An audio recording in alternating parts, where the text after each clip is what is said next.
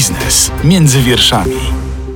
Agnieszka Zaręba, dzień dobry, witam bardzo serdecznie w kolejnym odcinku podcastu Biznes między wierszami. Rozmawiamy podczas 31. edycji Forum Ekonomicznego w Karpaczu. Ewa Wernerowicz jest moim Państwa gościem. Dzień dobry. Dzień dobry, aktualnie e, Sunli Finanse, właśnie się stałam właścicielką tej firmy. Teraz firma jest moja, e, wykupiłam 100% udziałów, mogę działać po swojemu, realizować swoje marzenia, swoje strategie. W ostatnim czasie przez wszystkie przypadki odmieniane jest słowo inflacja. Dużo się mówi o podwyżce stóp procentowych. Także wakacje kredytowe trochę namieszały w naszych portfelach. Czy te wszystkie rzeczy wpłynęły także na sektor pożyczkowy? Czy gdy ludzie odchodzą z kwitkiem, na przykład od okienka bankowego, to przychodzą do państwa? Zdecydowanie tak, widać zwiększony ruch. E, głównie widzieliśmy wzrost sprzedaży w tym okresie takim przejściowym, kiedy już były zapowiadane wakacje kredytowe, a jeszcze nie były realizowane. To widzieliśmy, że zwiększa się udział klientów, którzy e, mają kredyty hipoteczne. Oczywiście to przeanalizowaliśmy.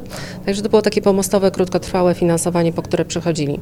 E, inflacja, akurat nasz sektor, nasza część sektora, jeśli chodzi o pożyczki krótkoterminowe, rośnie e, od początku roku rosła 14%, więc trochę wolniej niż inflacja. Natomiast widać tutaj wzrost w sektorze pożyczek długoterminowych na kilka lat i na pewno jest to spowodowane tym, że klienci odchodzą z kwitkiem od banków i przychodzą do sektora pożyczkowego, gdzie jeszcze znajdą finansowanie y, i ten sektor chętnie ich przyjmie. To są dobrzy klienci dla nas, a może niekoniecznie dla banków. Inflacja oczywiście odbija się głównie na kosztach i na presji kosztowej ze strony kontrahentów. Y, to widzimy, presja płacowa, a też jesteśmy odpowiedzialni za swoich pracowników i, i akurat w naszej firmie chcemy, żeby wszyscy byli zadowoleni i, i, i również z tej perspektywy. Także to inflacja, natomiast przychody nam nie wzrosły, przychody są te same, yy, także no, na pewno jest to widoczne. Powiedziała Pani, że to są dobrzy klienci dla Państwa, ale niekoniecznie dla banków. Co to jest za różnica? Klienci, którzy przychodzą do mnie, do mojej części sektora po pożyczki krótkoterminowe, to są klienci, którzy mają zupełnie inne potrzeby niż te, które finansują z kredytów bankowych.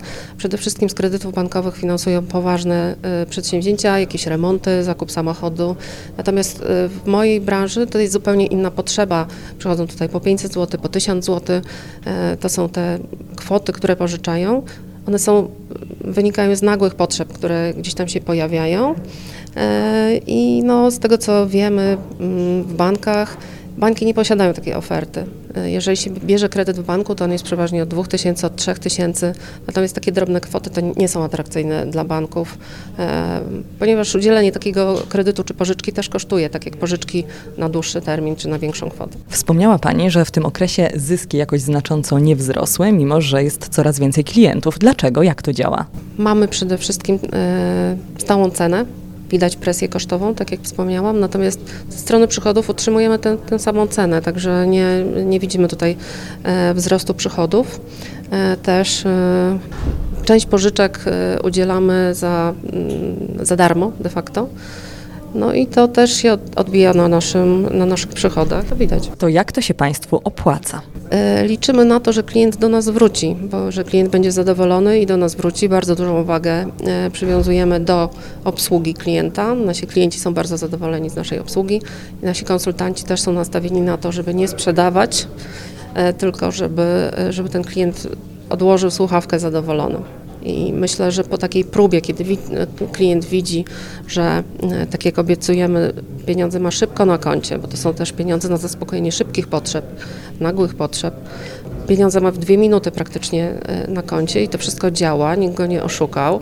Faktycznie umowa i, i warunki są przezroczyste, transparentne i, i szczere no to wraca, chętnie wraca. Jeżeli zyski nie rosną jakoś spektakularnie w tym czasie, to jaki jest z kosztami? Bo wiele sektorów, wiele firm, przedsiębiorstw i instytucji narzeka w obecnym czasie na to, że jednak koszty są coraz wyższe, jeżeli chodzi o koszty prowadzenia firmy, działalności czy po prostu utrzymania biura. My jesteśmy spółką technologiczną i największym y, i też y, pożyczkową. Największym kosztem dla nas to są koszty ryzyka, czyli koszty niespłacanych y, pożyczek, niespłacanych długów, które i tak stosunkowo, jak na firmę pożyczkową, no, są najniższe w branży, jeżeli chodzi o, o procent. E, także to jest nasz największy koszt. Em, Oczywiście koszty praca- płacowe też e, rosną, koszty pracownicze, natomiast nie jesteśmy branżą e, energochłonną. Najwięcej też wydajemy na inwestycje w, infra- w, w IT, nowe projekty, w rozwój technologiczny. Opowiedzmy trochę o tych inwestycjach. W którą stronę w tej chwili są kierowane? E, Szerzej wychodzimy na rynek, chcemy dotrzeć do większego grona klientów, e, móc też udzielać tych pożyczek jeszcze taniej. Być, już jesteśmy firmą pierwszego wyboru, ale też dbamy o to, żeby, e, żeby klient do nas akurat wrócił i, i żeby też to nie, nie kosztowało za dużo, więc też nie wykorzystujemy całej możliwości, tak jak nie, nie, niektórzy nasi konkurenci, żeby maksymalne koszty kredytu na- naliczać. My te koszty mamy o połowę niższe niż, e, niż reszta rynku. E, I też pracujemy nad tym, żeby rozszerzyć naszą ofertę. Może udzielać kredytów taniej, pożyczek taniej, ale na szerszą skalę. I tworzyliśmy projekt, ogłosiliśmy wejście z projektem e, wraz z Empayem. E, Empay to jest taki portfel jak Skycash, nie wiem, który ma też jakiś mobi parking, można bilety tam kupić, można też, jest taką portmonetką, portmonetką i w tym portfelu teraz można również uzyskać naszą pożyczkę. To jest pożyczka, która jest tańsza niż nasz, w naszej standardowej ofercie, jest na e, dwa miesiące, koszt 10%. To na rynku pożyczkowym to jest e, świetna oferta. A samo wprowadzenie wakacji kredytowych nie spowodowało spowolnienia w Państwa branży, w Państwa sektorze? No bo z jednej strony była spora część Polaków, która mogła sobie pozwolić na taki oddech od spłacania kredytów, od spłacania rat. Jest stabilnie, rośliśmy do sierpnia i tak jak mówię, głównie rosną pożyczki długoterminowe, ten sektor. E, Ja myślę, że do końca roku będzie jednak stabilnie i będziemy udzielać pożyczek na takim samym poziomie. Zobaczymy, co przyniesie zima, ale to myślę, że każdy tutaj, każdy sektor, każda firma ma obawy przed zimą.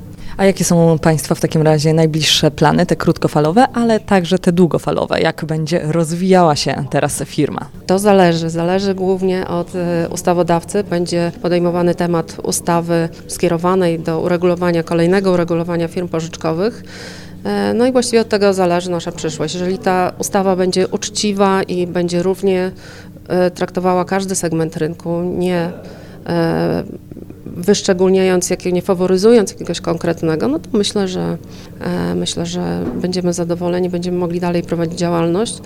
E, I też e, ja wychodzę z takiego założenia, że jest kryzys i mm, postanowiłam, że jeżeli się nie, nie zmienią warunki na rynku, warun- nie wejdzie ta ustawa, która drakońską ograniczy nasze zyski przychody, to nie, będę nikogo zwalniać, chociaż e, mogę, bo w pracy hybrydowej e, no jednak ta praca jest trochę bardziej efektywna, to widać. Natomiast postanowiłam, że jeżeli ta ustawa nie wejdzie, nie będę musiała, to, to żadnych zwolnień nie będzie. A jeżeli mówimy o kryzysie, to nie sposób pominąć dwóch bardzo ważnych kryzysowych wątków. Pierwszym była pandemia, a drugim wybuch wojny na terenie Ukrainy. Jak te dwa elementy, te dwa aspekty wpłynęły na Państwa działalność? W kwestii pandemii, my jesteśmy taką firmą, która ma bardzo krótką ścieżkę decyzyjną i jesteśmy zwinni i szybko e, dostosowujemy się do otoczenia i mogę e, przyznać, że wygraliśmy właściwie pandemię. Ponieważ wszyscy w panice wycofywali oferty kredytowe, nie przyznawali pożyczek. Natomiast my to zrobiliśmy nie jednym cięciem, tylko na podstawie analizy obserwowaliśmy, co się dzieje i trochę tą akcję kredytową tylko przycięliśmy. To spowodowało, że klienci jeszcze bardziej nam zaufali, bo wiedzą, że w razie potrzeby mogą do nas przyjść. Szybciej weszliśmy na rynek z powrotem, e, z ofertą dla wszystkich klientów, także tu sobie świetnie poradziliśmy.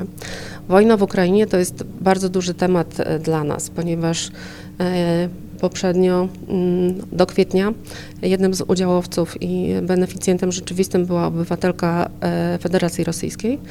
E, Ja tę firmę udało mi się ją przejąć w ogóle. y, No, wygrałam los na loterii, trochę można, można powiedzieć, na e, całkiem ciekawych warunkach. E, I teraz ja prowadzę tą firmę, zostałam jej jedynym udziałowcem. E, Także, tak jak mówię, mogę wprowadzać swoje strategie, swoje pomysły i, i z nikim ich nie konsultować. Więc tutaj z jednej strony e, duży sukces. No, nie cieszmy się, bo wojna na Ukrainie to też jest jednak e, trudna sprawa, szczególnie, że mamy bardzo dużo pracowników, którzy są Ukraińcami. To, co zrobiliśmy, biorąc pod uwagę tą sytuację i, i żeby pokazać naszą solidarność, to y, przysłaliśmy w pierwszych dniach kryzysu, w pierwszych dniach wojny, kiedy były duże problemy na, e, na granicy, y, przekazaliśmy milion złotych na e, Caritas diecezji przemyskiej, który to aktywnie y, y, się udzielał i generalnie koordynował dużą akcję e, emigracyjną. E, Też zebraliśmy e, pieniądze od pracowników, oczywiście wszelkiego rodzaju meble, żeby urządzić miesz- mieszkania, czy, czy wspomóc w jakikolwiek sposób e, przybyłych. E, No ale też założyliśmy przedszkole na przykład i mamy to przedszkole do, do dzisiaj. E, Kilkadziesiąt dzieci jest w tym przedszkolu, są dzieci ukraińskie, zatrudniliśmy ukraińskie opiekunki. E, Dzieci się bawią, matki mogą pójść do pracy i nie są uzależnione od niczyjej pomocy, pomocy naszego kraju, tylko mogą samodzielnie stanąć na nogi i zapewnić tym dzieciom byt. To takie główne mm, rzeczy. No i też pracowników ws- wsparliśmy może bardziej duchowo na tej zasadzie, że y, każdy y, obywatel Ukrainy mógł po prostu zamknąć laptopa, miał wypłacaną pensję y, i zaangażować się czy na Ukrainie, czy, czy tutaj wspierając imigrantów z Ukrainy.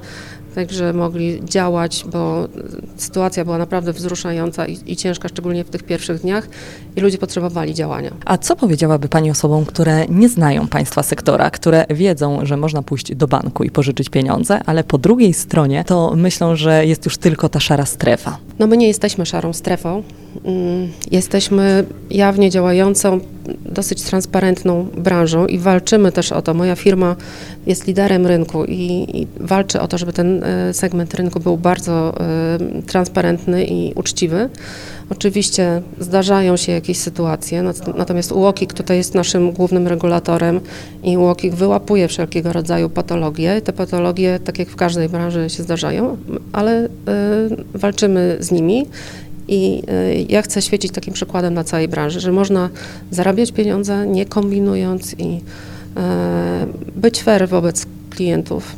Klient jest jednak najważniejszy i, y, i to, czy wróci, zależy od tego, czy jesteśmy wobec niego uczciwi. I tutaj postawimy już e, kropkę. Bardzo serdecznie dziękuję za dzisiejszą rozmowę. Dziękuję serdecznie. A Państwa zachęcamy do wejścia na stronę internetową Radia Z do słuchania serwisów informacyjnych na antenie radiowej, te ekonomiczne codziennie o godzinie 10 oraz 15. Agnieszka Zaręba, do usłyszenia.